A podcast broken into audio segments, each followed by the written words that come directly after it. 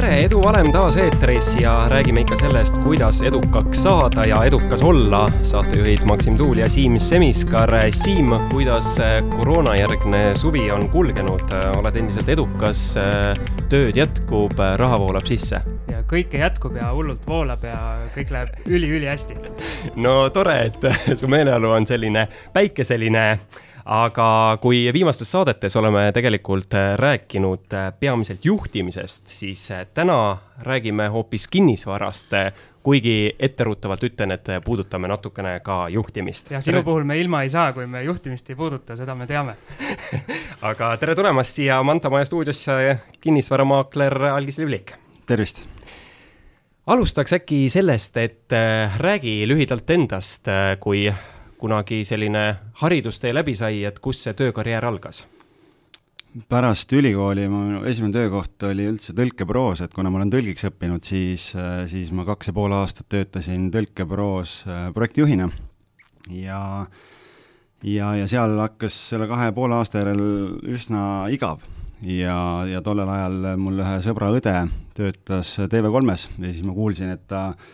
teeb igasuguseid miljoni krooni mingeid äh, lepinguid ja asju seal ja, ja kuidagi see suur raha ja meedia ja, ja kõik see nagu kõnetas. ja siis ma küsisin, et kas, kas neil on äkki pakkuda äh, mõnda töökohta ja ja täiesti läbi juhuse selgus, et äh, üks müügimeestest oli sealt ära läinud pool aastat varem, toona oli selline telekanal Eestis nagu MTV. ja, ja, ja nad ei olnud uut inimest veel otsinud ja siis ma käisin müügijuhi ja müügidirektoriga lõunal ja sisuliselt tegelikult vedas, et ma sain täiesti ilma konkursita, äh, sain sinna tööle. Äh, müügist, ütleme, teadmisi väga palju ei olnud, noh, klientidega suhtlus, projektijuhtimine, kõik see oli, aga selles mõttes oli nagu päris põnev algus äh, minna ja hakata õppima, et et see oli nii-öelda see, see nii-öelda karjääri tegemise algus kui selline siis, kui võib nagu öelda, sest enne seda oli selline noh, lihtsalt erialalt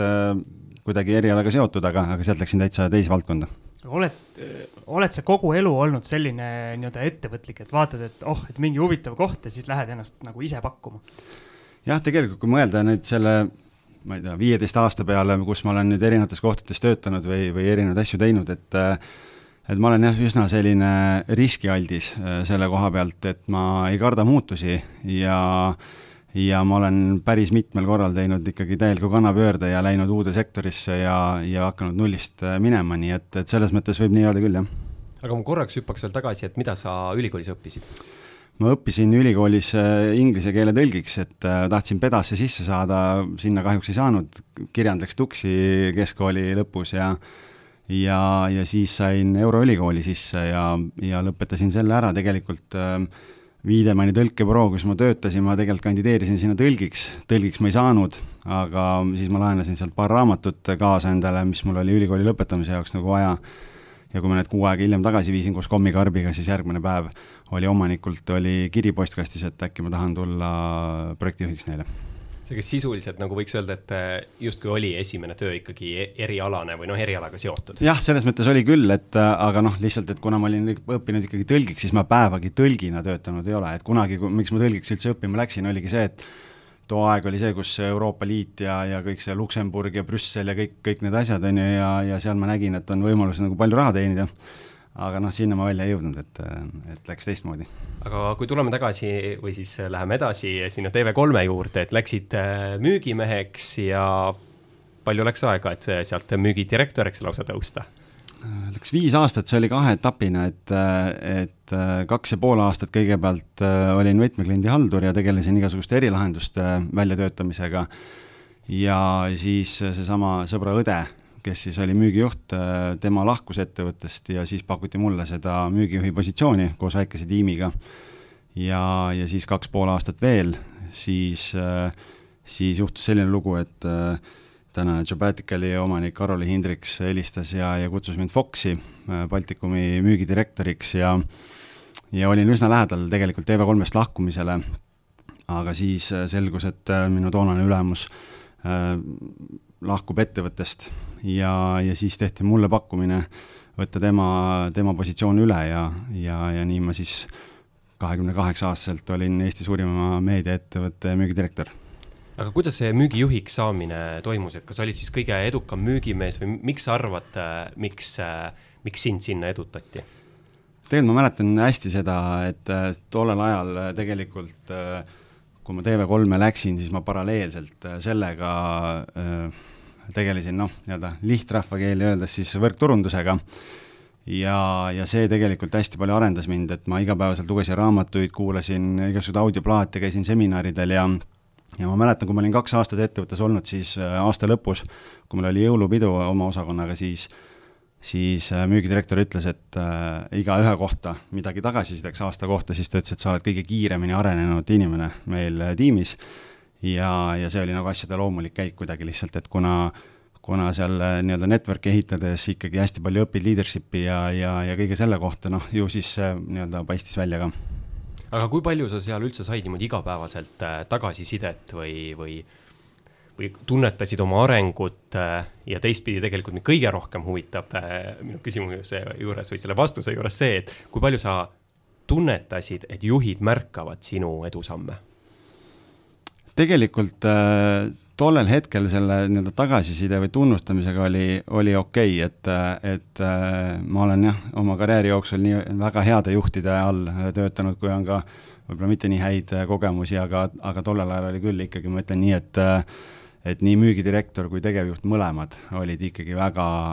head meeskonnamängijad ja, ja kuidagi inimeste inimesed, et selles mõttes nagu see aitas kindlasti sellele arengule kaasa ka, et, et seal ettevõtte sees äh, oli nagu soovi ja, ja tahet äh, areneda.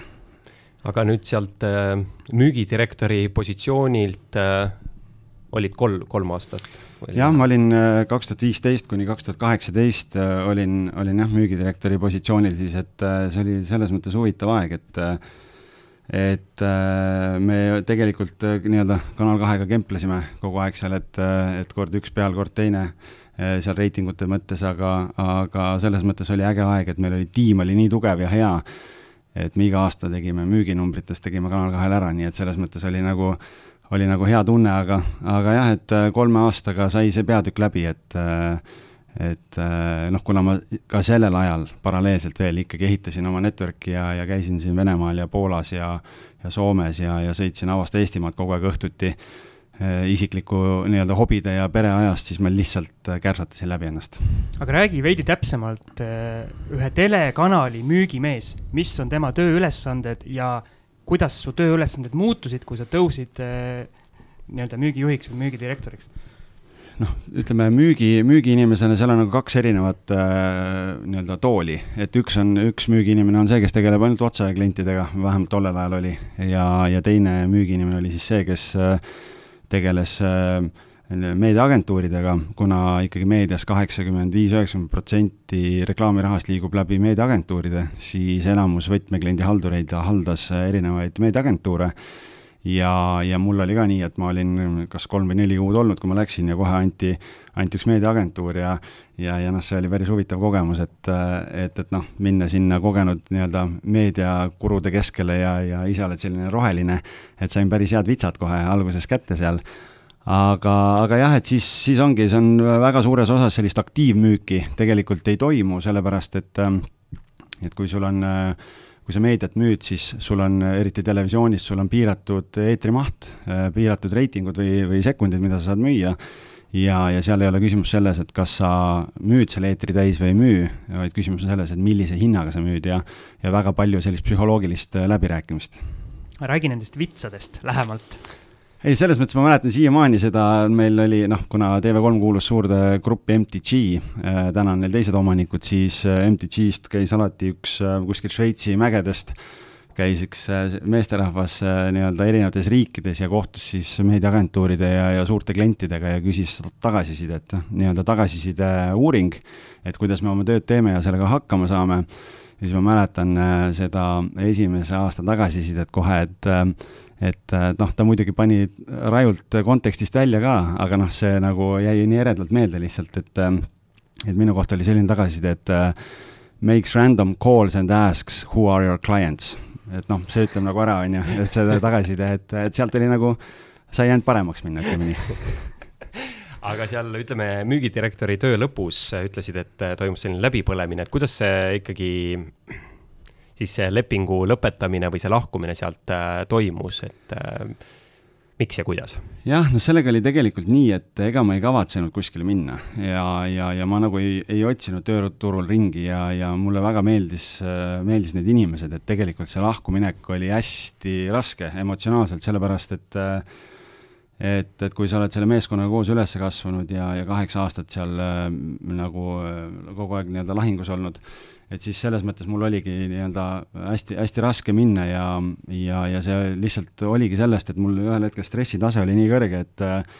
et kui, kui ma seal kodus, kodus närviline olin, siis, siis mul abikaasa küsis, et et noh, et, et kas sa oled päriselt ka õnnelik eh, praegu neid asju tehes, mida sa teed. ja see ei vastus tuli nii kiiresti, et siis ma sain aru, et okei okay,, et noh, et kuna ma olen alati selline äh, klaas pooltäis inimene, et siis ma sain aru, et tegelikult noh, viimasel ajal kuidagi natuke töötasin võib-olla nagu vastu juba mingitele nii-öelda otsustele või ideedele ja siis ma sain aru, et okei okay,, see ei ole nagu päris mina, et ma lähen iseenda oma väärtustega vastuollu. ja siis, siis ma otsustasingi, et ma võtan täitsa aja maha, ma lõpetasin nii network'i ehitamise ära, kui, kui, kui TV3-st tulin ära ja võtsin korraks aja maha täitsa.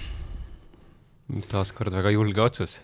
jaa, ega selles mõttes, ega ta oli jah, et ega ümberringi kõik olid nagu äh, šokis, et noh, et mis mõttes sellise koha pealt lähed ära, et noh, mis sul nagu arus on, on ju, et noh, kõik justkui nagu sujus ja, ja oli tore ja nii edasi, aga aga noh, sellest küljest ma ikkagi ütlen seda, et, äh, et elu on liiga lühikene selle jaoks, et käia kuskil sellepärast, et, äh, et teha midagi raha või tiitlite pärast, et ma olen selle tee nüüd läbi käinud ja tagantjärgi on seda nagu hea, hea hinnata, et et, et et äh, fun peab olema ja kui fun ei ole, siis ma ütlen, et ühtegi asja ma ei taha elus teha niimoodi noh, nii-öelda jutumärkides, et higihais on küljes, et läbi nagu hambad ristis või pingutusega või nagu pingutama peab, aga kuidagi nagu natuke vastumeelselt, et, et ma selliseid asju ei taha teha ja ma ei ole selles plaanis kunagi kartnud neid otsuseid äh, vastu võtta. aga räägi veidi täpsemalt just sellest läbipõlemisest, et mida see reaalselt tähendab, mis, mis äh, nii-öelda tundega sa koju läksid ja mis tunded sind üldse nagu valdasid tol momendil? Noh, ütleme, et ta ei, jah, selles mõttes ta klassikalises mõttes võib-olla noh, läbipõlemise definitsioon on võib-olla teine, et inimene ikkagi nagu noh, emotsionaalselt kukub nagu hästi, hästi sügavalt ära, et noh, ma, ma vist seda nii-öelda traditsioonilist klassikalist läbipõlemist ei ole kogenud, aga nagu selle noh, oli lihtsalt see, et mul oli nii pikad päevad olid üldse, et ma hommikul läksid tööle, tööpäev lõppes, sõitsin kuskile Kuressaarde, tegid seal mingi koolituse, siis sõitsid tagasi, jõudsid õhtul kell üks koju, seal väike laps on kodus, naist ei näe, nädalavahetused on kinni, sõprade sünnipäevadel ei käinud, mitte midagi, et noh, lihtsalt kulla ja karra ja tiitlite ja raha nimel käis, käis metsik töö ja ja siis lõpuks see stressitase lihtsalt oli nii kõrge, et ma, sütik oli nii lühike, et ja see ei ole nagu minu loomupärane omadus lihtsalt ja siis, siis lihtsalt äh, kui ma sealt ära tulin, siis ma tundsin sellist nagu, nagu vabanemist või kergendust, et ma nagu tundsin nagu, et elu hakkab kuidagi uuesti, et selline hästi huvitav tunne, et ma ei kukkunud auku ära, vaid ma kuidagi leidsin nagu mingi uue hingamise täitsa. aga ma küsin siis niimoodi, et kui sa ütlesid, et kulla, karra ja raha nimel käis töö, et, et kas raha tuli vähemalt? jaa, no ütleme nii, et ma alati naeran seda, et noh, kui, kui oleks nagu Ameerikas telekanali müügidirektor või, või, või Eestis oled, et noh, et seal on mõned nullid on nagu vahet, on ju aga teistpidi ütleme jah, et ega, ega Eesti kontekstis ikkagi sai see sissetulek ja kõik oli nagu hästi korralik ja, ja, ja selle koha pealt nagu ei ole nagu midagi öelda, jah, aga noh, küsimus ongi, et millise hinnaga see, see raha kõik tuleb, et ega raha ei ole omaette väärtus, vaid küsimus on ikkagi selles, et, et see tasakaal peaks ka säilima, aga see tasakaal oli nagu täitsa paigast ära, et, et seda, seda sisuliselt polnud, et. ja siis ütle ausalt, et kui abikaasa ei oleks sult seda küsimust küsinud, kas sa ise oleks oma peaga jõudnud selle otsuseni, et ma nüüd lõpetan kõik asjad ära niimoodi paugu pealt? ma ei ole selles kindel tegelikult, et, et selles mõttes jah, ma olen talle nagu väga tänulik selle, selle eest, sest noh, tollel hetkel ikkagi, kui sa oled seal sellise koha peal ja, ja noor mees on ju, ja, ja siis, siis mõtledki noh, et siis kuidagi sellel, sellel ajal oli veel nagu hästi ikkagi läks korda ka see, et noh, mis teised arvavad ja kuidagi see väline ja noh, nii-öelda kuidagi, et noh, et ikkagi tituleeritud äh, inimene, aga, aga ei, ma tegelikult nagu, ma arvan, et see otsus sellel hetkel ei oleks võib-olla tulnud sellepärast, et iseennast näha on hästi raske, kuigi mul oli tollel hetkel äh, oli ju mentor ka olemas, et noh, network'is tegelikult äh, ja millest mul täna kõige rohkem puudust tunnen, ongi see, et, et see suur väärtus oli see, et sul oli inimene, kellega said iga kuu rääkida nii, nii ärilistel teemadel kui, kui elulistel teemadel, aga, aga noh, ega tagantjärele mõeldes võib-olla ma ennast niimoodi ei avanud ka seal, et ega seda tervikpilti tema niimoodi näha ei osanud. aga kas sa nüüd äh, tagantjärele kahetsed ka äh, ma isegi kahe nurga alt seda kahetsust küsiks, et number üks, et sa jõudsid sellesse, sellisesse punkti, et võib-olla poleks pidanud siis mitme asjaga paralleelselt tegelema ja teistpidi ikkagi, et äh, kas poleks mitte tore praegu ikkagi olla endiselt äh, suure telekanali müügidirektor või mingil muul veel kõrgemal positsioonil? sa ei ole esimene, kes seda küsib ja, ja, ja ma olen selle peale tegelikult äh, mitmeid kordi mõelnud, et ei kahetse, et noh, see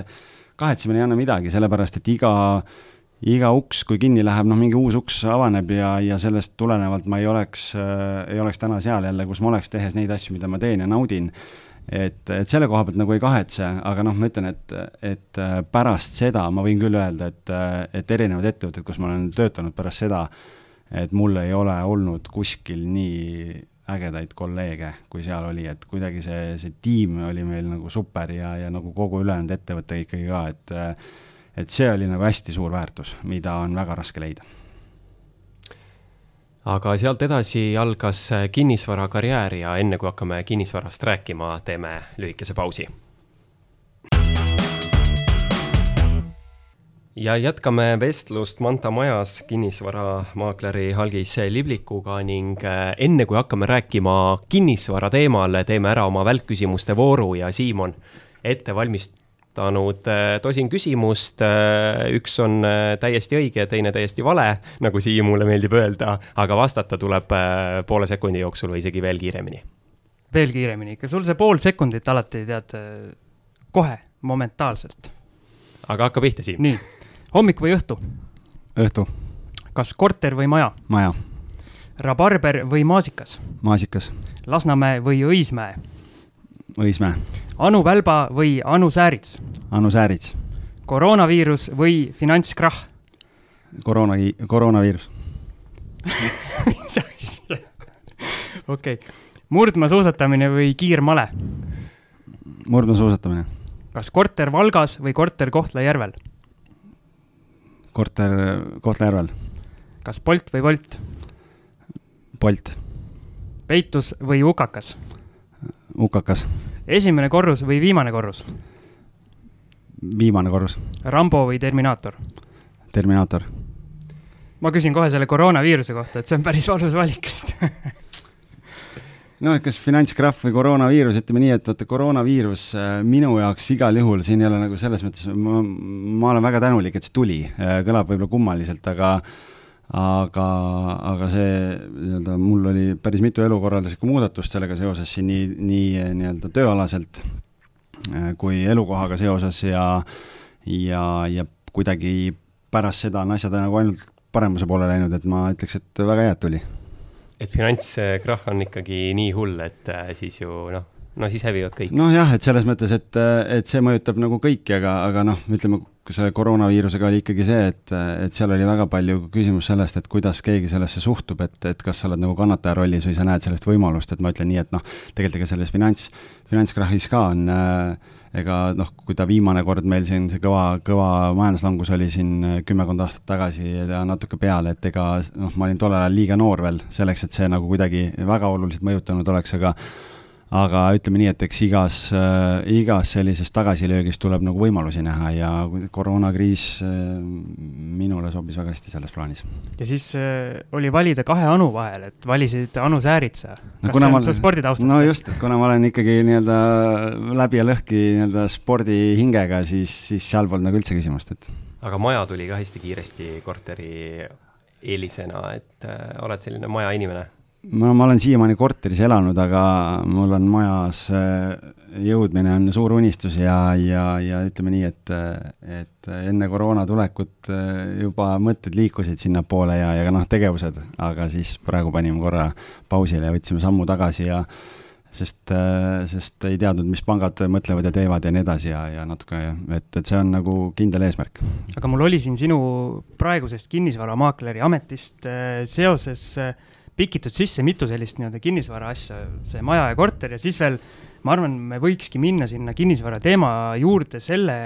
selle küsimuse lahkamisega, et korter Valgas või Kohtla-Järvel, et see on äh,, ei ole kõige parem valik, ma saan aru, kui sa ühe pead võtma, sina võtsid Kohtla-Järvel, palun selgita ma võtsin puhtalt äh, nii-öelda regionaalselt sellepärast, et ma olen ise Lääne-Virumaalt ja noh, Ida-Virumaa on seal kõrval kohe ja ja ütleme nii, et, äh, et ma,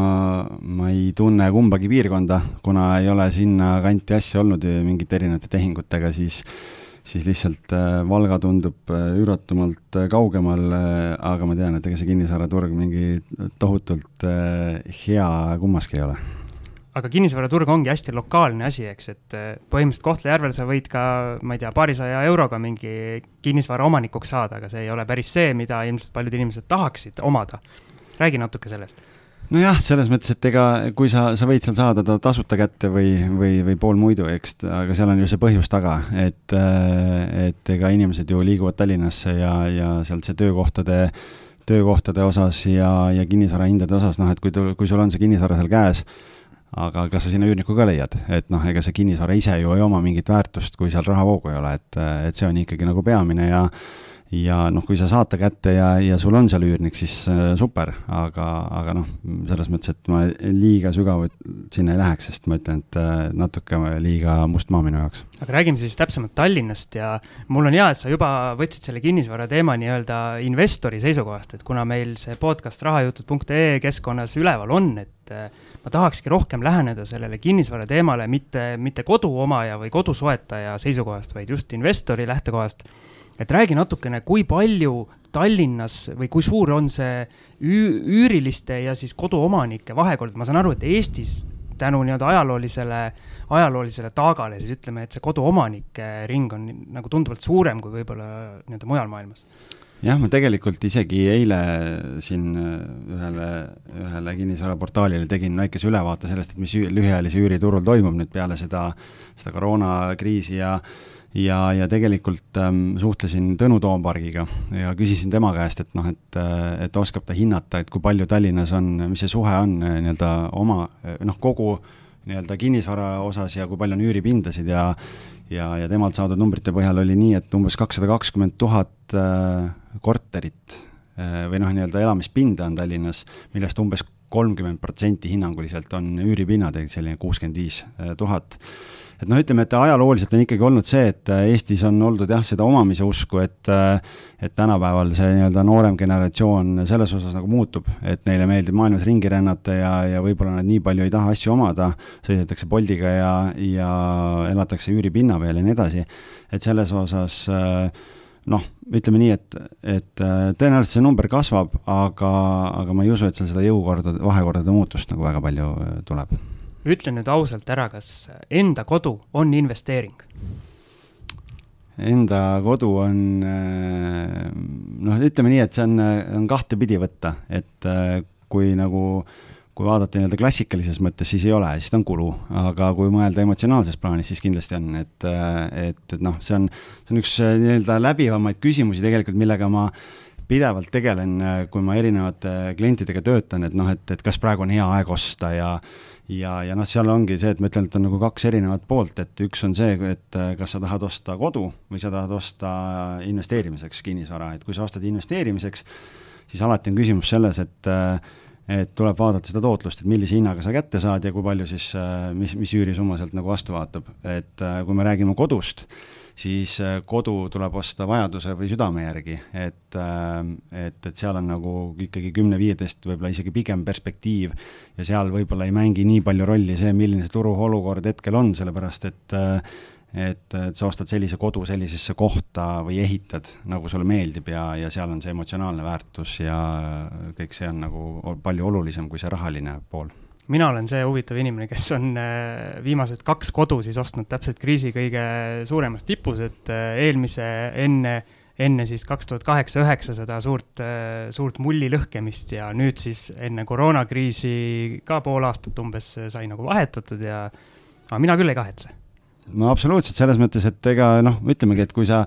kui sa täna ostad omale kodu ja, ja noh, ootad, et äh, et, et kui sa leiad sellise kodu, mida sa oled otsinud, ütleme, et sa elad üüripinna peal näiteks täna ja sa otsid endale kodu ja sa leiad, ta vastab kõigile kriteeriumitele, mis sa tahad, et siis on see, et noh, ma ootan kolm kuud või kuus kuud, aga kolme kuu pärast või kuue kuu pärast võib-olla seda ei ole enam. ja siis sa istud järgmised kaks aastat veel oma üüripinnal ja ootad seda ideaalset äh, kohta. et sellepärast ma ütlengi, et noh, et see nii-öelda vajadusest tulenev otsus on äh, ikkagi midagi muud ja kümne aasta pärast äh, kui majandustsükleid vaadata, siis tõenäoliselt ta maksab rohkem, kui, kui ta maksis praegu. Ma hüppaks korraks tagasi sinna üürikorterite juurde veel, et mis sa arvad, kui äh, suure jälje võib veel see koroonaviirus äh, või siis äh, sellest tingitud äh, ütleme siis väike majanduslangus, millist mõju võib veel avaldada, et kas need hinnad natukene on vist juba alla tulnud, et, et kas see langus pigem on nagu jätkumas? Sellega on, ega keegi seda lõplikku tõde ei tea, et, et siin nii-öelda kinnisvarabüroode esindajad räägivad ühte juttu, Eh, majandusanalüütikud räägivad teist juttu. ma võib-olla isegi küsiks siis teistpidi või natuke teise nurga alt, et eh,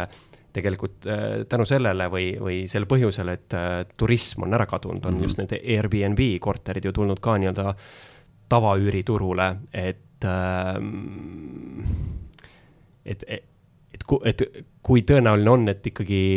siin äh, sise, siseturul need suudetakse ära täita või, või, või siis ikkagi kuidagi omandatakse, müüakse maha või mida investorid äh, sinu hinnangul hakkavad tegema mm -hmm.? noh, kõigepealt äh, võib-olla tulen selle esimese otsa juurde tagasi, et mis, mis nende hindadega saab, on see, et äh, tegelikult natukene on, on müügi osas korrektsioone toimunud selles osas, et äh, et äh, pakkumiste hindadest on natukene seda õhku välja läinud, et, äh, et, äh, et seal on nagu võib-olla mindi seda kuldkalakest juba püüdma ja inimesed olid liiga, liiga nii-öelda ahneks läinud. eriti on see magalapiirkondades on, on, aga, aga ütleme nii, et otseselt, kui ma vaatan, vaatan tehinguid, mis ma ise olen viimastel kuudel müünud, mingid korterid, siis ma seda hinnalangust praegu seal veel näinud ei ole ja, ja, ja noh, lihtsalt on see, et praegu meil on mingi hinnanguliselt viiskümmend tuhat töötut Eestis, et äh, arvatakse, et sügisel on sada tuhat, noh ju ta mingi, mingi jälje jätab, aga noh, ma olen alati seda rõhutanud, et äh, et kinnisvara on osa kogu majandusest, et, äh, et, et seal on jälle selle kinnisvara hindade osas, kui see langus ka tuleb, et kui keegi plaanib praegu, et kas osta või lükata edasi või nii edasi, et noh, et kuna, kuna see kinnisvara on osake kogu majanduses, siis peab arvestama sellega, et kui on ikkagi plaan või soov osta praegu, nii nagu Siim ostis siin pool aastat tagasi, on ju, sul oli suuremat kodu vaja, et siis, siis on see, et, et võib-olla praegu saad laenu. aga kui majanduses üleüldiselt läheb kehvemaks, siis äh, pangad äh, keeravad oma kraane rohkem kinni, äh, võib-olla, võib-olla need inimesed, kes praegu veel saavad laenu, siis enam mingil põhjusel üks osa nendest ei saa laenu, et noh, et see kõik on nii-öelda omavahel nii-öelda ahelreaktsioonis, et, et seda peab nagu tervikuna vaatama, aga kui me räägime nüüd sellest üüriturust, noh, kuna meie ettevõte tegeleb Airbnb haldusega ja, ja meil on praegu kakskümmend korterit on Tallinnas halduses, siis noh, mis ma näen, on see, et kui, kui see eriolukord hakkas äh, märtsis ja siis kohe märtsis-aprillis tegelikult toimus see turunihe ära, et äh, kui enne noh, eelmise aasta tipus oli seal kolm tuhat kolmsada korterit äh, Tallinnas pakkumises, siis praeguse seisuga on alla kahe tuhande. Ehk me oleme tagasi aastas kaks tuhat seitseteist, et vahepeal kahekordistus see arv ja kõik tulid hõlptulu teenima ja, ja arvasid, et noh, nii lihtne ongi. Et täna on ikkagi see tegelikult, et, et sealt jah, üle tuhande korteri või, või noh, väga suur osa kas läksid üldse turult ära, mingi osa kortereid, või siis liikusid pikaajalise üüriturule, et kui meil varem oli selline tuhat kakssada pak-, üüripakkumist Tallinnas ja, ja nii edasi, siis praegu see number on seal kahe tuhande kandis. et see on uus turunormaalsus, millega pikaajalise üüri investorid peavad arvestama räägi sellest Airbnb asjast, et see tegelikult algas sellise ilusa mõttena, et inimene saab oma ühte tuba või oma, oma tühjalt seisvat korterit välja üürida, aga nüüd on see tegelikult ju omaette majandusharu, sa rääkisid, et teie haldate siin paarikümmend korterit ja niimoodi, enam ju või tähendab, kui palju on neid üksikuid, üksikuid inimesi, kes tõesti oma ühte tuba või ühte korterit välja üürivad? on ikka selles mõttes, et äh, noh, me, meil on nii-öelda Airbnb booking'u haldurite grupp on Facebookis olemas ja, ja noh, mingid erinevad ettevõtted siin meedias võtavad sõna ja nii edasi, et äh, täna raske hinnata, kuidas see suhe jaguneb nii-öelda äh, nii-öelda harrastajast või, või nii-öelda kinnisvaraomaniku levelil versus, versus nii-öelda haldusettevõtted, et et ikka on jaa, et aga noh, lihtsalt on see, et, et kuna vahepeal tõesti see tootlus oli ikkagi oluliselt parem kui pikaajalisel üüril, siis kes vähegi ümber switch'is nagu teenis normaalset raha, noh, siis, siis täna on ikkagi see, et ütleme jah, et ta on nagu, ta on äri nagu iga teine et ta on ikkagi turismivaldkonna üks osa, eh, küll viimasel ajal on sellest hästi palju räägitud, et tahet-, reguleerimata ja tahetakse reguleerida ja nii edasi, aga noh, kohati võib-olla need meetmed tunduvad nagu liiga, liiga jäigad, aga aga selles mõttes, et et äh, tal on ikkagi väga kindel segment olemas nende inimeste hulgas, kes reisivad ja otsivad ja hotellides olla ei taha, et ta on ikkagi, ma ütlen täna eraldi juba jah, nii-öelda nagu äriharu ikkagi, mitte nii-öelda lihtsalt home sharing ma siis küsin eh, edasi selliselt, et sa ütlesid, et hetkel on viiskümmend tuhat töötut, sügisel võib-olla sada tuhat. Eh, kui nüüd meil on sada tuhat töötut, need inimesed peavad ka kuskil elama. kus nad elavad? kas on mingi, mingi selline üürituru nišš, mis igal juhul ära ei kuku, ükskõik mis see majandus, majandushetk on nagu? Jah, noh, selles mõttes tegelikult äh, on äh, ikkagi, mida väiksemad ühikud äh,, seda kindlam tunne tõenäoliselt ka nendel kinnisvaraomanikel, investoritel on, sellepärast et et, et noh, seal on nagu erinevaid variante, et üks on see, et elatakse, on hästi läinud, elatakse mingi sellise pinna peal, mis maksab palju, aga ma ei tea, töö juures palka kärbitakse või, või on mingid muud põhjused või kaotad töökoha, siis on vaja võib-olla nii-öelda inglise keeles on downgrade, et nagu nii-öelda natukene allapoole minema, et võtad vähe tagasihoidlikuma korteri ja kui, kui noh, ütleme nii, et, et kui üks osa inimestest on need, kes ei suuda enam mingil põhjusel oma laenu maksta näiteks, siis nemad peavad ka üüripinna peale liikuma, aga noh, teistpidi jälle see Airbnb korterite liikumine pikaajalise üüriturule on suurendanud seda pakkumist, nii et,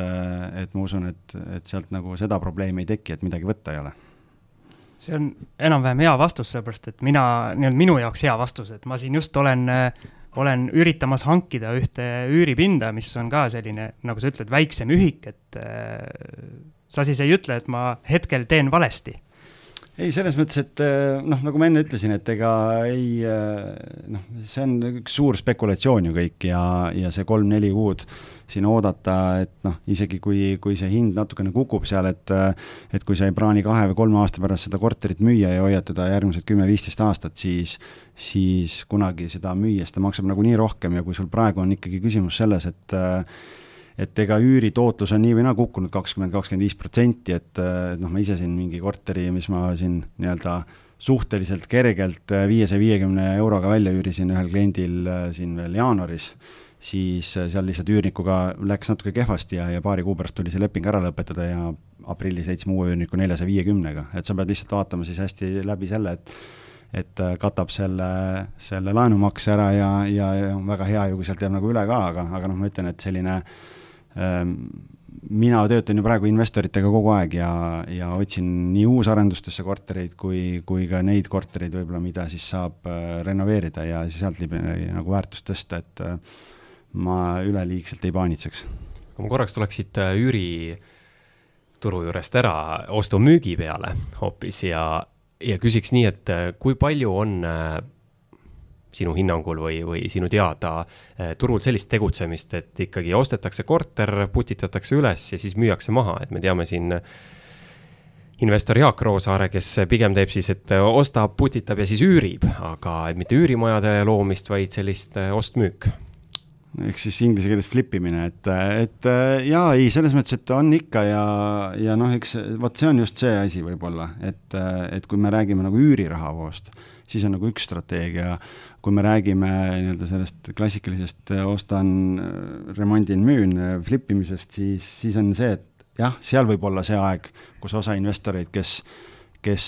tahab sealt seda kasu lõigata, võib-olla istuvad rahas natukene ja ootavad, et, et kas siis juhtub midagi või ei juhtu.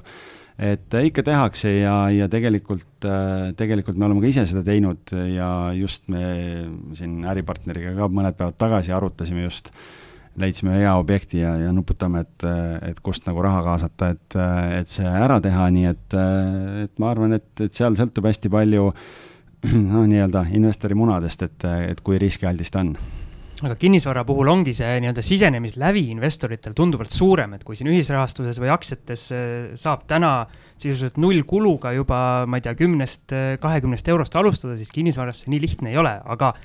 kindlasti on mingid moodused, kuidas kaasata nii-öelda kõrvalt raha, et kuidas investor peaks hakkama otsima seda raha, mille abil eh, siis siseneda kinnisvara, kinnisvaraturule? See on niisugune hea küsimus, sest see on mul endal hästi aktuaalne teema praegu, sellepärast just, et kuna ma, kuna ma töötan ühe Soome kinnisvarafondiga hästi aktiivselt ja ja, ja see nii-öelda kogemus on hästi palju õpetanud siis ma ise just tellisin Amazonist viis raamatut selle kohta, et, et kuidas äh, nii-öelda raising private capital ja, ja kõik, kõik see pool, et kuidas nii-öelda erinevaid äh, selliseid suuremaid asju teha, et, et noh, ma olen ise ka äripartneriga arutanud, et ühe korteri kaupa on nagu äge äh, alustada ja proovida ja saab oma kooliraha kätte, me saime ka esimese flipiga saime kohe, saime kerge kooliraha kätte. Et, äh, et, et aga nüüd, et nagu suuremalt vaadata just, et kuidas ja kust seda raha kaasata, et täna ongi noh, et tegelikult inimestel raha on ja eks see väga palju, noh, esimene ring on alati see friends, fools and family ehk lähikondlased, kelle käest laenu saada ja ja, ja siin äh, me oleme ise saanud äh, ühe investeeringu jaoks saime siin isegi veel eelmisel aastal nelja protsendiga saime laenu, et küll ei olnud nii suur summa, aga, aga ikkagi, et, et tuleb lihtsalt suhelda inimestega ja, ja see ongi mul endal nii-öelda üks eesmärke nüüd äh, oma tutvusringkond läbi töötada, sellepärast et noh, viimasel ajal on hästi palju olnud juttu inimestega, et kellelgi on kolmkümmend tuhat, kellelgi on viiskümmend tuhat, pangad laenu hästi ei anna, kui sa pole ühtegi kinnisvarainvesteeringut varem teinud. Et äh, võtta nende inimeste rahad kokku ja, ja teha midagi siis nii-öelda suuremat, et, äh, et, et see on selline põnev teema ja sellest me võiks ilmselt veel eraldi sinuga päris pikalt rääkida. Aga mina tahan ikka selle kooliraha juurde tagasi tulla, et räägi sellest flippimisest, mis, mis läks valesti? No seal oli see, see kooliraha tegelikult, vot see oli nagu sõber koroona tuli, et, et meil oli selline, selline noh, kuna kõik sujus ka Airbnb-s ja, ja noh, erinevad investorid, kellele me otsime kogu aeg kortereid nii pikaajalise üüri jaoks kui, kui lühiajalise üüri jaoks ja ja siis me otsustasime, et aga, aga teeme nii, et ostame ise ühe korteri. ostsime Jõe tänavale korteri, kolmekümne ruuduse, saime ta suhteliselt hea hinnaga kätte,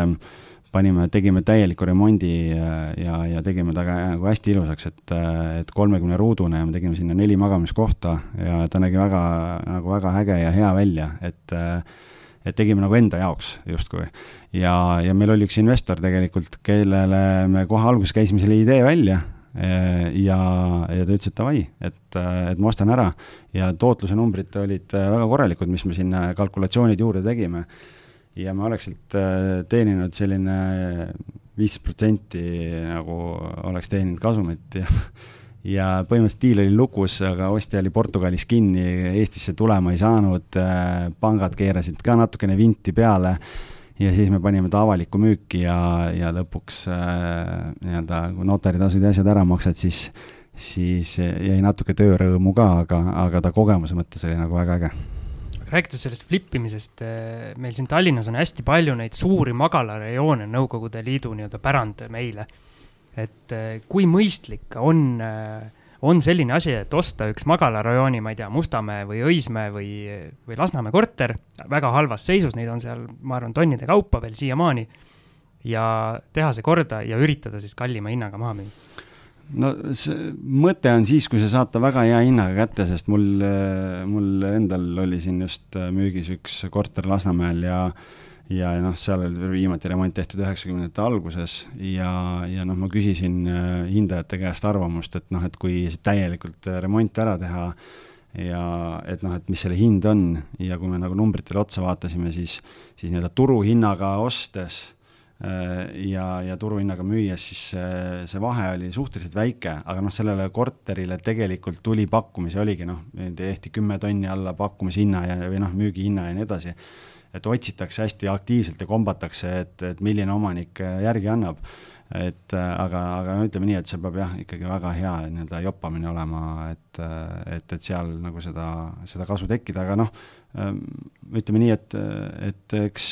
seal ongi, sõltub hästi palju sellest kogemusest ja, ja julgusest seda allahindlust nagu küsida ka, et noh, kui sul on ikkagi renoveerimist vajav korter, siis siis äh, kui sa lähed sealt tuhandet eurot alla kauplema, siis sa tõenäoliselt väga palju ju ei võida, aga kui sa leiad mingi omaniku, kelle käest sa saad seal seitse-kaheksa tuhat võitu juba, noh, siis see on päris arvestatav, et. Aga on sellised omanikud olemas, et tihti omanikul tekib äh, rohkem selline emotsionaalne side ja see üheksakümnendatel aastatel tehtud remont on tema oma kätega tehtud ja see tundub ikka veel nii ilus, et see võiks ka teisele nii-öelda ostjale sobida. see sõltub sellest, kui motiveeritud see müüja on, et konkreetselt selle korteri puhul näiteks oli see, et äh, omanik äh, suri ära ja, ja lihtsalt siis nii-öelda järeltulevad põlved otsustasid, et nad müüvad selle korteri ära. Ja otseselt äh, nii kiire ei olnud, et oleks pidanud koheselt nende kirvega tehtud pakkumistega kaasa minema, aga kui sul satub äh,, satub mingi inimene, kelle lähikondlane sureb ära, see korter on tal kohustusena, ta peab kommunaale ja asju maksma, ta ei oska sellega mitte midagi pihta hakata, ta ei tea turuhindadest mitte midagi, ta paneb selle korteri üles, ühtegi maaklerit ei usalda, müüb ise siis sa võidki väga kõvasti nii-öelda vastu pükse saada, kui tuleb mingi oskuslik äh, ostja, kes, äh, kes räägib õiget juttu ja ja, ja ostab selle ära või teistpidi on see viga, mida tehakse, on see, et pannakse hästi kallilt müüki just. ei ole nõus järgi andma, ei ole nõus järgi andma ja, ja minnakse seda kuldkalakest püüdma ja siis lõpuks mingi asi juhtub elus või, või ja tekib tohutult kiire, et on vaja järsku ära müüa see ja siis on see, et siis sa müüd alla turuhinna, kuigi sa tegelikult oleks reaalse hinnaga müünud, oleksid rohkem teeninud, et see on nagu teine äärmus. aga ma natukene vahetaks teemat vahepeal ja selles mõttes jääme ikka kinnisvara juurde, aga räägiks võib-olla natukene just Tallinna baasil piirkondadest, et nagu öeldakse, et kinnisvara puhul on kolm kõige olulisemat asja, on asukoht, asukoht, asukoht. et samas aeg-ajalt äh, ikkagi nagu muutuvad need eelistused ja noh, vanalinn ja kesklinn on kindlasti mm, endiselt äh, kallid, aga kuidas sa ise tunnetad praegu, et mis, mis on need nagu uued äh,, uued tuuled siis turul, et mis piirkonnad muutuvad nagu järjest hinnatumaks äh.? ma ütlen siia vahele selline koht nagu Kopli liinid olid minu lapsepõlve ajal äh, nii-öelda öeldi, et ära sinna jumala eest mine ei, äh, ei õhtul ega, ega päevavalges. Ja nüüd ma vaatasin kuskil äh, mingi kinnisvaraportaalides on kuulutuses, kuulutused üleval, uued, uusarendused, tundub olevat Tallinna üks kõige kuumemaid kohti, et need asjad võivad päris kiirelt muutuda, mul on tunne jaa, et selles mõttes see on äh, hästi huvitav küsimus, sest äh, tegelikult noh, viimased kümme aastat oli ju kõige suurem hitt oli Kalamaja, et, äh, et sinna on ehitatud igale poole, kuhu võimalik ja ja, ja müüdud kõike, mida võimalik, et, et ma just ise vaatasin siin mingi aeg tagasi, et kaks tuhat üheksa näiteks oli Kalamajas, noh, pakkuge, palju maksis äh, ruutmeeter? kaks tuhat üheksa Kalamajas, jah? niimoodi küsida, et siis oli nagu no eurodest, taandame eurode peale ikka. ja, jah see oli siis, see oli kriisi juba, see oli kriisi põhi ja, ja juba jah. mingi neli-viissada eurot. nelisada viiskümmend eurot, äh, kui, kui mälu ei peta, see oli noh, mõni aeg tagasi, et nelisada viiskümmend eurot ja noh, praegu on seal ütleme kaks pool tuhat on ju, et oleks tollel ajal ostnud sajaruuduse korteri neljakümne viie tuhandega, praegu müüks kahesaja viiekümnega maha. Maks juba nutab siin kõrval et väga valus, väga valus ja. et, et see oli nagu selline hästi kiiresti kasvav ja arenev piirkond ja tegelikult on Kalamaja on ilus ja, ja seal on nagu hästi palju ära tehtud ja noh, nii praegu järgmise kümne aasta puhul kaks kõige kiiremini arenevat piirkonda tõenäoliselt ongi see Kopli liinid, et kuna sealtpoolt hakati neid uusarendusi tegema ja ütleme, see Kalamaja liigub ka kogu aeg sinna nagu edasi, et siis see on kindlasti üks koht, mis on kasvava väärtusega ja teine pool on Sikkupilli piirkond, sellepärast et Ülemiste areneb hästi kiiresti ja, ja noh, nüüd see Fale osa tehti seal korda ja ja nii, et, et need on need kaks piirkonda tõenäoliselt, mis järgmised kümme aastat, kus seda väärtuse kasvu võib leida. aga kui rääkida veel ütleme siis lähtuvalt sellest koroonast, mis toimus, ehk siis kaug Äh, teel äh, tööd tegevad inimesed ja, ja kõik see suund, et äh, kas sa näed seda, et on ka võimalik, et võib-olla ikkagi sellised eemal asuvad asulad muutuvad järjest populaarsemaks, no meil on siin igasugused, Peetri niikuinii populaarne ja, ja Tabasalu Harjumaal siin lähedal. minu lemmik Jüri. Jüri mm. ja, ja nii edasi, et, et kas kas need piirkonnad võivad ka veel populaarsemaks äh, tõusta? Jah, no selles mõttes äh, tegelikult küll, et ega, ega see Peetri kasv on ka viimase või areng viimase kümne aastaga olnud hästi kiire ja sinna tuleb neid koole ja lasteaedu järjest juurde ja tehakse igasuguseid stock office eid ja ja erinevaid äh, selliseid asju, et, et kindlasti see noh, kuna nii-öelda Tallinn ja Tallinnasse tuleb igal aastal hinnanguliselt kas kolm tuhat kuni viis tuhat inimest tuleb juurde, et äh, kuskile nad peavad ju elama asuma ja, ja sellest tulenevalt, kuna transpordiühendused ja muutuvad aina paremaks, äh, siis, siis ma ütlen, see Jüri Tabasalu äh, Peetri, Viimsi, noh, ütleme, et eks seal ma arvan, et kõik need piirkonnad arenevad edasi, aga küsimus ongi täna pigem on võib-olla isegi Saku ja Saue on veel need piirkonnad ka, kuhu nüüd on mingid Sakusse mingid uusarendused kerkivad ja sealt on väga hea rongiühendus Tallinnaga, et, et selles mõttes ma arvan, nüüd see koroona, ma arvan, õpetas seda inimestele, et et tegelikult kõik tahtsid ju saada, me ka ise käisime, tahtsid linnast välja saada maale kuskile, et inimestest eemale, oled omaette ja nii edasi, et, et võib-olla ei ole üldse välistatud ka see nii-öelda invasioon tagasi linnast maale rohkem, jah. Aga kas kesklinn ja kesklinna lähedus, kas see jääb kogu aeg selliseks äh, nii-öelda kindla, kindla peale minekuks ja nii-öelda nagu kindlaks kaubaks? jah, selles mõttes, et äh, kesk, noh, asukoht, asukoht, asukoht, nagu Max ütles, et äh, tegelikult on ju see, et et sul on ikkagi, ega sul kesklinna seda maad juurde ei teki ja, ja see on väga likviidne ikkagi, et noh, ma ise, üks, üks osa ongi see, et ma siin ka ühele kliendile müüsime Koplis tema korteri ära, noh, näitasin talle numbrite pealt ära, et noh, sul on Koplis on kolmetoaline korter, maksis äh, sada kolmkümmend viis tuhat, ütlesin, et müüme selle ära, sa teenid sealt praegu X eurot, äh, teenid üüri ja kui me ostame sulle sellesama raha eest kesklinna kas või kahetoalise, siis ja sa saad kas siis lühiajalist üüri teha või, või pikaajalist, sa teenid mõlemal juhul rohkem äh, ja ta on likviidne, ta maksab sulle kümne aasta pärast rohkem, noh, see ei olnud Kopli liinidel, ei olnud seal korter, see oli nagu sellises osas, kus, kus seda väärtuse kasvu võib-olla nii palju on nagu raske leida. Ja, ja noh, see on see nii-öelda see analüütiline pool, et tegelikult tuleb jah, ega eesmärk ei ole ju lihtsalt omada kinnisvara, vaid eesmärk on ikkagi see, et kui ta nagu nii-öelda üürikinnisvarana, et ta ikkagi võimalikult hea tootlusega oleks nii, Siim, tahad äh, tulistada veel mõne kiire kinnisvara küsimuse või teeme pausi? ja ma tahaks selle piirkonna kohta veel sellist asja küsida, kas Tallinnas on mingid sellised, mingi sellist piirkonda veel, mis on äh, nagu avastamata või sihuke nii-öelda pärl, et sina tead, et see varsti-varsti kas plahvatab äh,, on midagi sellist? peame vaatama, kuhu algis on ostnud viimasel ajal. No ütleme nii, et ega selles mõttes, äh, kui ma vaatan jah, et kui me klientidega oleme nagu suundunud, et ega äh, on, on mingeid piirkondi või, või, või arendusi, aga noh, ütleme, et eh, kui me aga klientidega töötame, ikkagi hästi palju lähtume sellest, üks asi on ikkagi seesama nii-öelda tootluse pool, teine on see asukoht eh, ja kolmas on kvaliteet, et noh, seal on ikkagi võib-olla isegi sellest üks asi veel, mille, millele nagu tähelepanu pöörata, on see, et võib-olla isegi kui sa, sa mingi, mingi kinnisvarainvesteeringu puhul eh, see asukoht on nagunii oluline, aga ikkagi see, et kui sul on see mitu arendust on äh, nii-öelda kõrvuti, siis tuleks ikkagi vaadata seda arendaja tausta ja seda kvaliteeti natukene ka. et, et on, äh, on, see on nagu hästi oluline koht, et ma nii-öelda ühtegi pärli niimoodi konkreetselt praegu võib-olla välja tuua ei, ei hakkaks siin, et, et ütleme, et need piirkonnad sai enne ära mainitud ja, ja kesklinn on nagunii, aga küsimus on jälle ikkagi selles, et äh, hästi palju see taandub ka objektile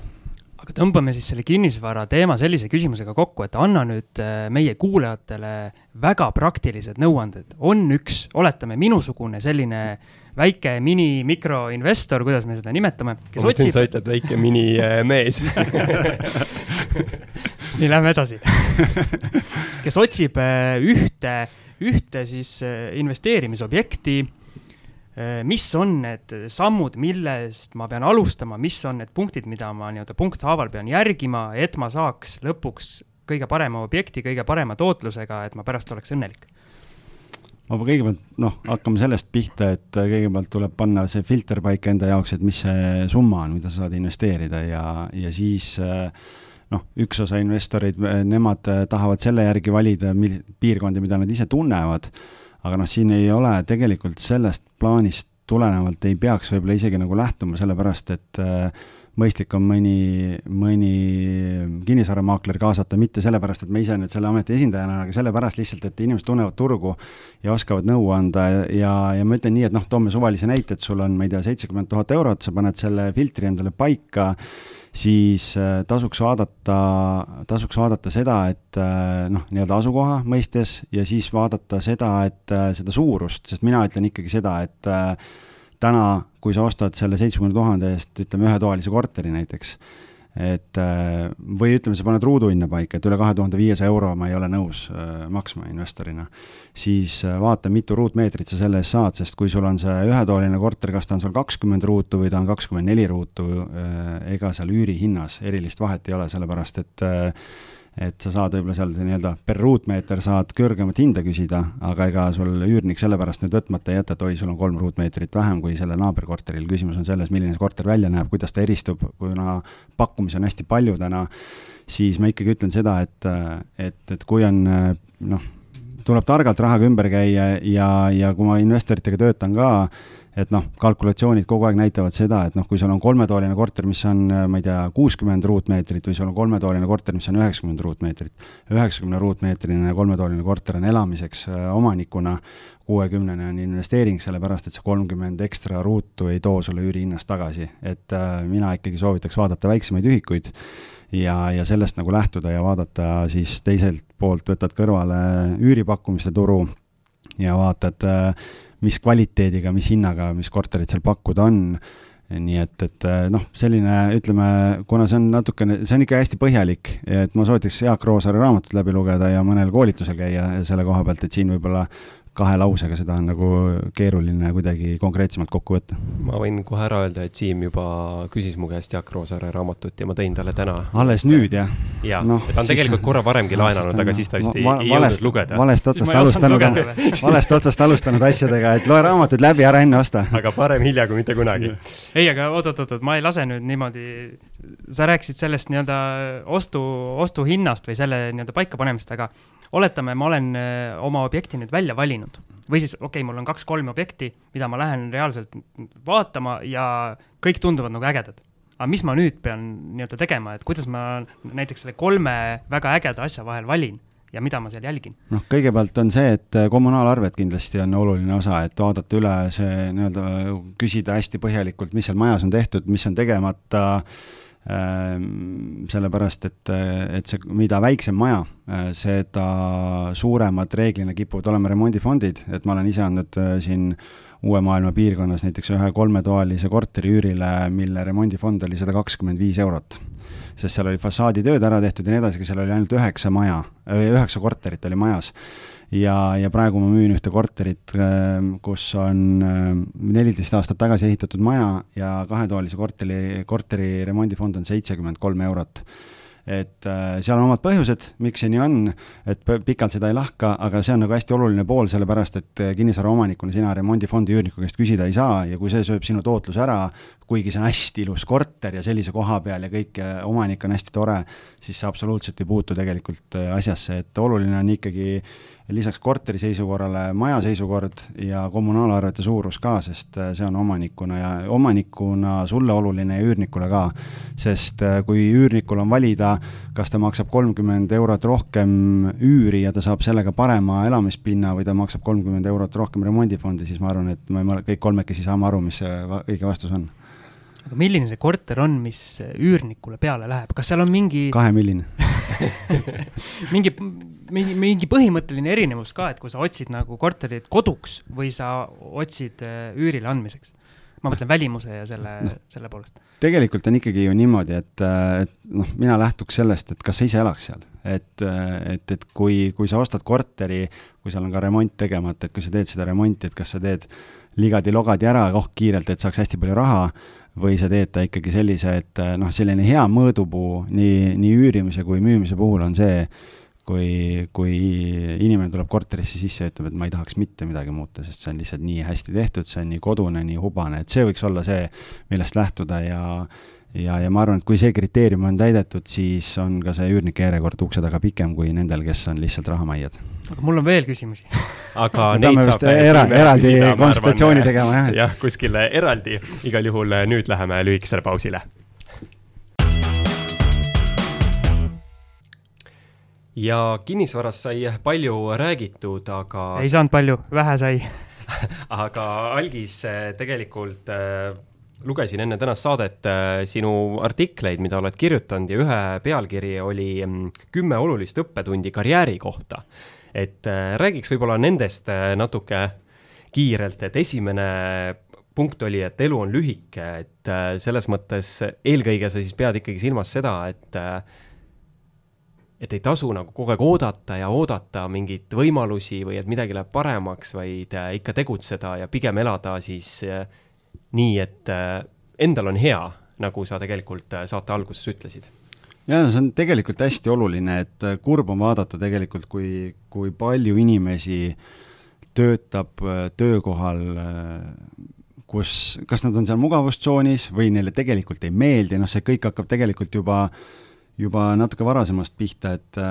et ülikooli minnakse õppima tihtipeale mitte seda eriala, mis tegelikult meeldiks, vaid sinna, kuhu sisse saadakse, õpetatakse eriala ära, selle paberiga pole mitte midagi pihta hakata ja, ja siis minnakse tööle töökohta eh, selleks, et noh, raha on vaja teenida, elada on vaja, aga, aga siis tiksutakse seal eh, seda üheksast viieni aega ja, ja ei julgeta neid muudatusi teha, et, et mina ütlen küll nii, et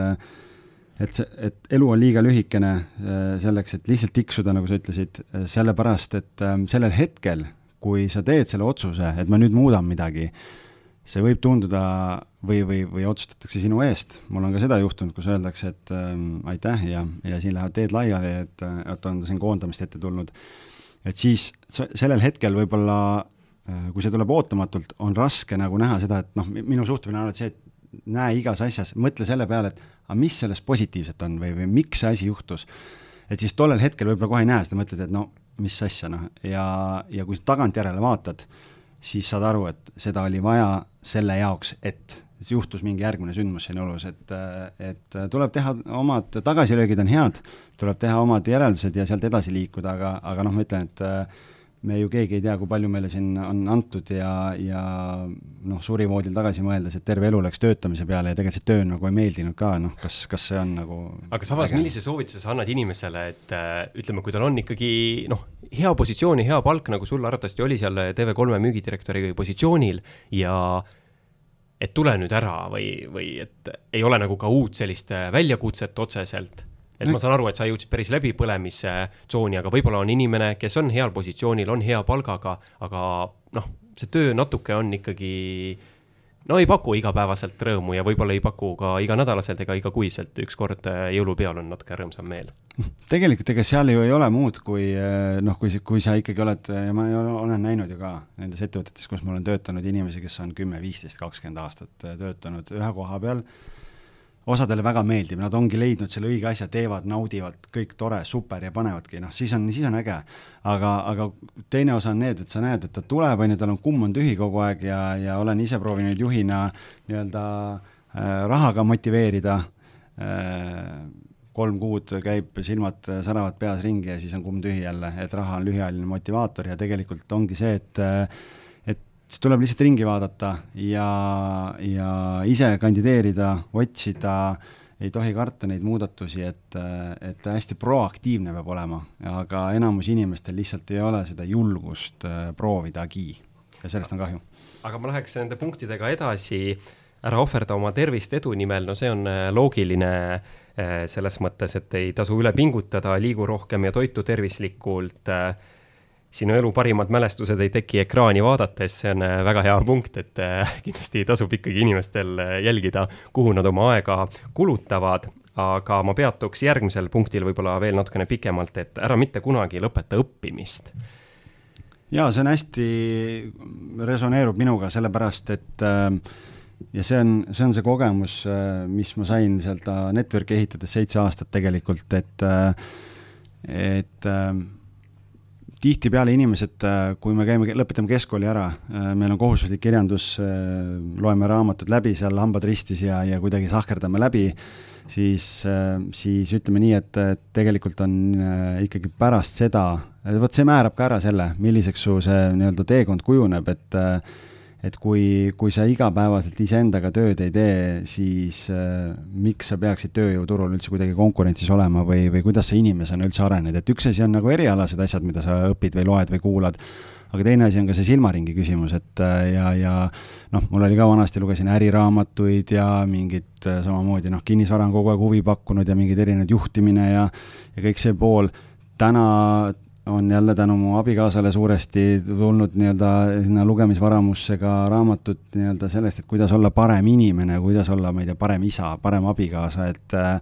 et rohkem iseendasse vaadata, et, et tegelikult, kui sa nagu iseennast ei suuda juhtida, kuidas sa teisi suudad juhtida, et, et, et see elukestev õpe on minu meelest täiesti normaalne nähtus, sest kui sa täna lõpetad ülikooli, siis kahe-kolme aasta pärast need teadmised, mis sa ülikooliga said, on juba eilne päev. et ja täna õppimisvõimalusi on ju nii palju, Udemid, mis iganes erinevad õpikeskkonnad, ostad kümne euroga, noh, hea näide, Airbnb äri meil sai alguse sellest, et me äripartneriga ostsime mingi kolm-neli neli Udemy kursust, töötasime need läbi, vaatasime Youtube'ist sadade tundide kaupa erinevaid materjale ja, ja, ja ma julgeks öelda täna, et et me oleme ikkagi nagu noh, nii-öelda oma valdkonnas nagu absoluutselt nagu ikkagi tipptegijad Tallinnas, et aga see, ja me oleme kõik ise õppinud selles mõttes, et keegi pole sundinud ja see on võimalus. Küsimus on, kas sa kasutad neid võimalusi või mitte, see on nii odav. kusjuures selle jutu peale mul tuli meelde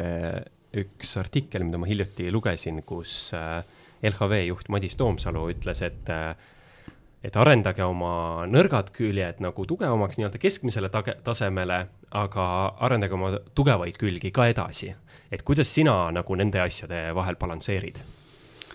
Ma olen äh, ikkagi äh, hästi palju, noh, kuna ütleme nii, et ma olen äh, ju nii palju muudatusi teinud, et kui sa hakkad kuskil nullist pihta, noh siis sul võib-olla mingis sektoris pole ei nõrkusi ega tugevusi või, või neid teadmisi, et siis hakkad sealt minema, et ütleme nii, et loomulikult äh,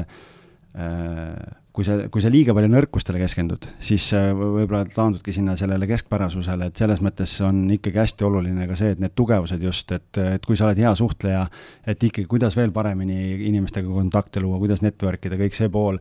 et see balanss on seal nagu oluline, aga ma niimoodi teadlikult sellele küll lähenenud ei ole, et okei okay,, nüüd ma võtan oma nõrkused ette ja hakkan nendega tööle või nüüd need on mu tugevused, et ma kuidagi usaldan hästi palju oma sisetunnet ja intuitsiooni ja, ja noh, mingi raamatu võtad kätte, hakkad lugema, vaatad, no ei lähe, ei lähe, ei lähe, paned kõrvale, võtad mingi teise raamatu ja vaatad, noh, et okei okay,, näed, see kõnetab praegu ja, ja ma praegu ahmin neid raamatuid, mida ma loen, samas üks teine raamat jäi pooleli, mis mul oli enne seda, kui ma selle Amazoni tellimuse tegin. ette tulnud ka sellist juhtumit, et panedki kõrvale, et ei kõneta, loed vahepeal kolm-neli teist raamatut ja siis äh, tuled äh, tagasi selle juurde ja oled hoopis äh, uues olukorras ja kuidagi ongi huvitav. ja ongi, on küll ja, ja samas on ka, on ka raamatutega, mida on saanud juba korra lugeda, et võtad aasta või kahe pärast uuesti kätte ja siis vaatad neid kohti, mis sa oled alla jooninud või nii edasi ja mõtled, et et aga miks ma seda ei ole alla jooninud, et noh, vaata kui hea point, et noh, et selles mõttes, et, et on ka neid raamatuid, mida ikkagi, mis korra aastas kätte tulevad, et et ja mul üks kunagine klassivend ütles väga hästi, et ei ole halba või head raamatut on õige või vale aeg jah, see on väga hästi öeldud, sest ma ise just hakkasin lugema ühte raamatut äh, ja seda juba esimest kahte lehekülge lugedes ma mõtlesin, et mõni aasta tagasi see raamat ei oleks mulle üldse huvi pakkunud, aga nüüd ma ei taha seda käest panna. see jutt on nii teoreetiline praegu, läheme veidi praktilisemaks, et mõlemad siis käivad välja oma kolm, kolm viimast loetud raamatut ka, et nii-öelda kuulajatel oleks kuskilt kinni haarata Maks, tahad alustada või? E, e, ega ma ausalt öeldes äh, siit nii kiiresti välja ei mõtle, et muidu läheb äh, selle meenutamisega palju aega, aga ma tean, et nii Algis kui ka mina oleme lugenud John Maxwelli nagu raamatuid, et äh, samamoodi siin ütleme siis saateks valmistudes märkasin, et ütleme, kui Algis tõi välja kakskümmend üks vääramatut juhtimisseadust, siis mina olen hoopis äh, lugenud äh, viis äh, juhtimise taset ja, ja viisteist siis vääramatut äh, kasvuseadust, äh, kui nüüd need nimed korrektselt välja ütlesin. et selles mõttes kindlasti selliseid huvitavaid raamatuid, ütleme siis juhtimisalaseid olen lugenud, aga praegu olen ka nagu võib-olla suundunud sinna, et võib-olla siis inimese, kas siis areng või inimese siis enese leidmine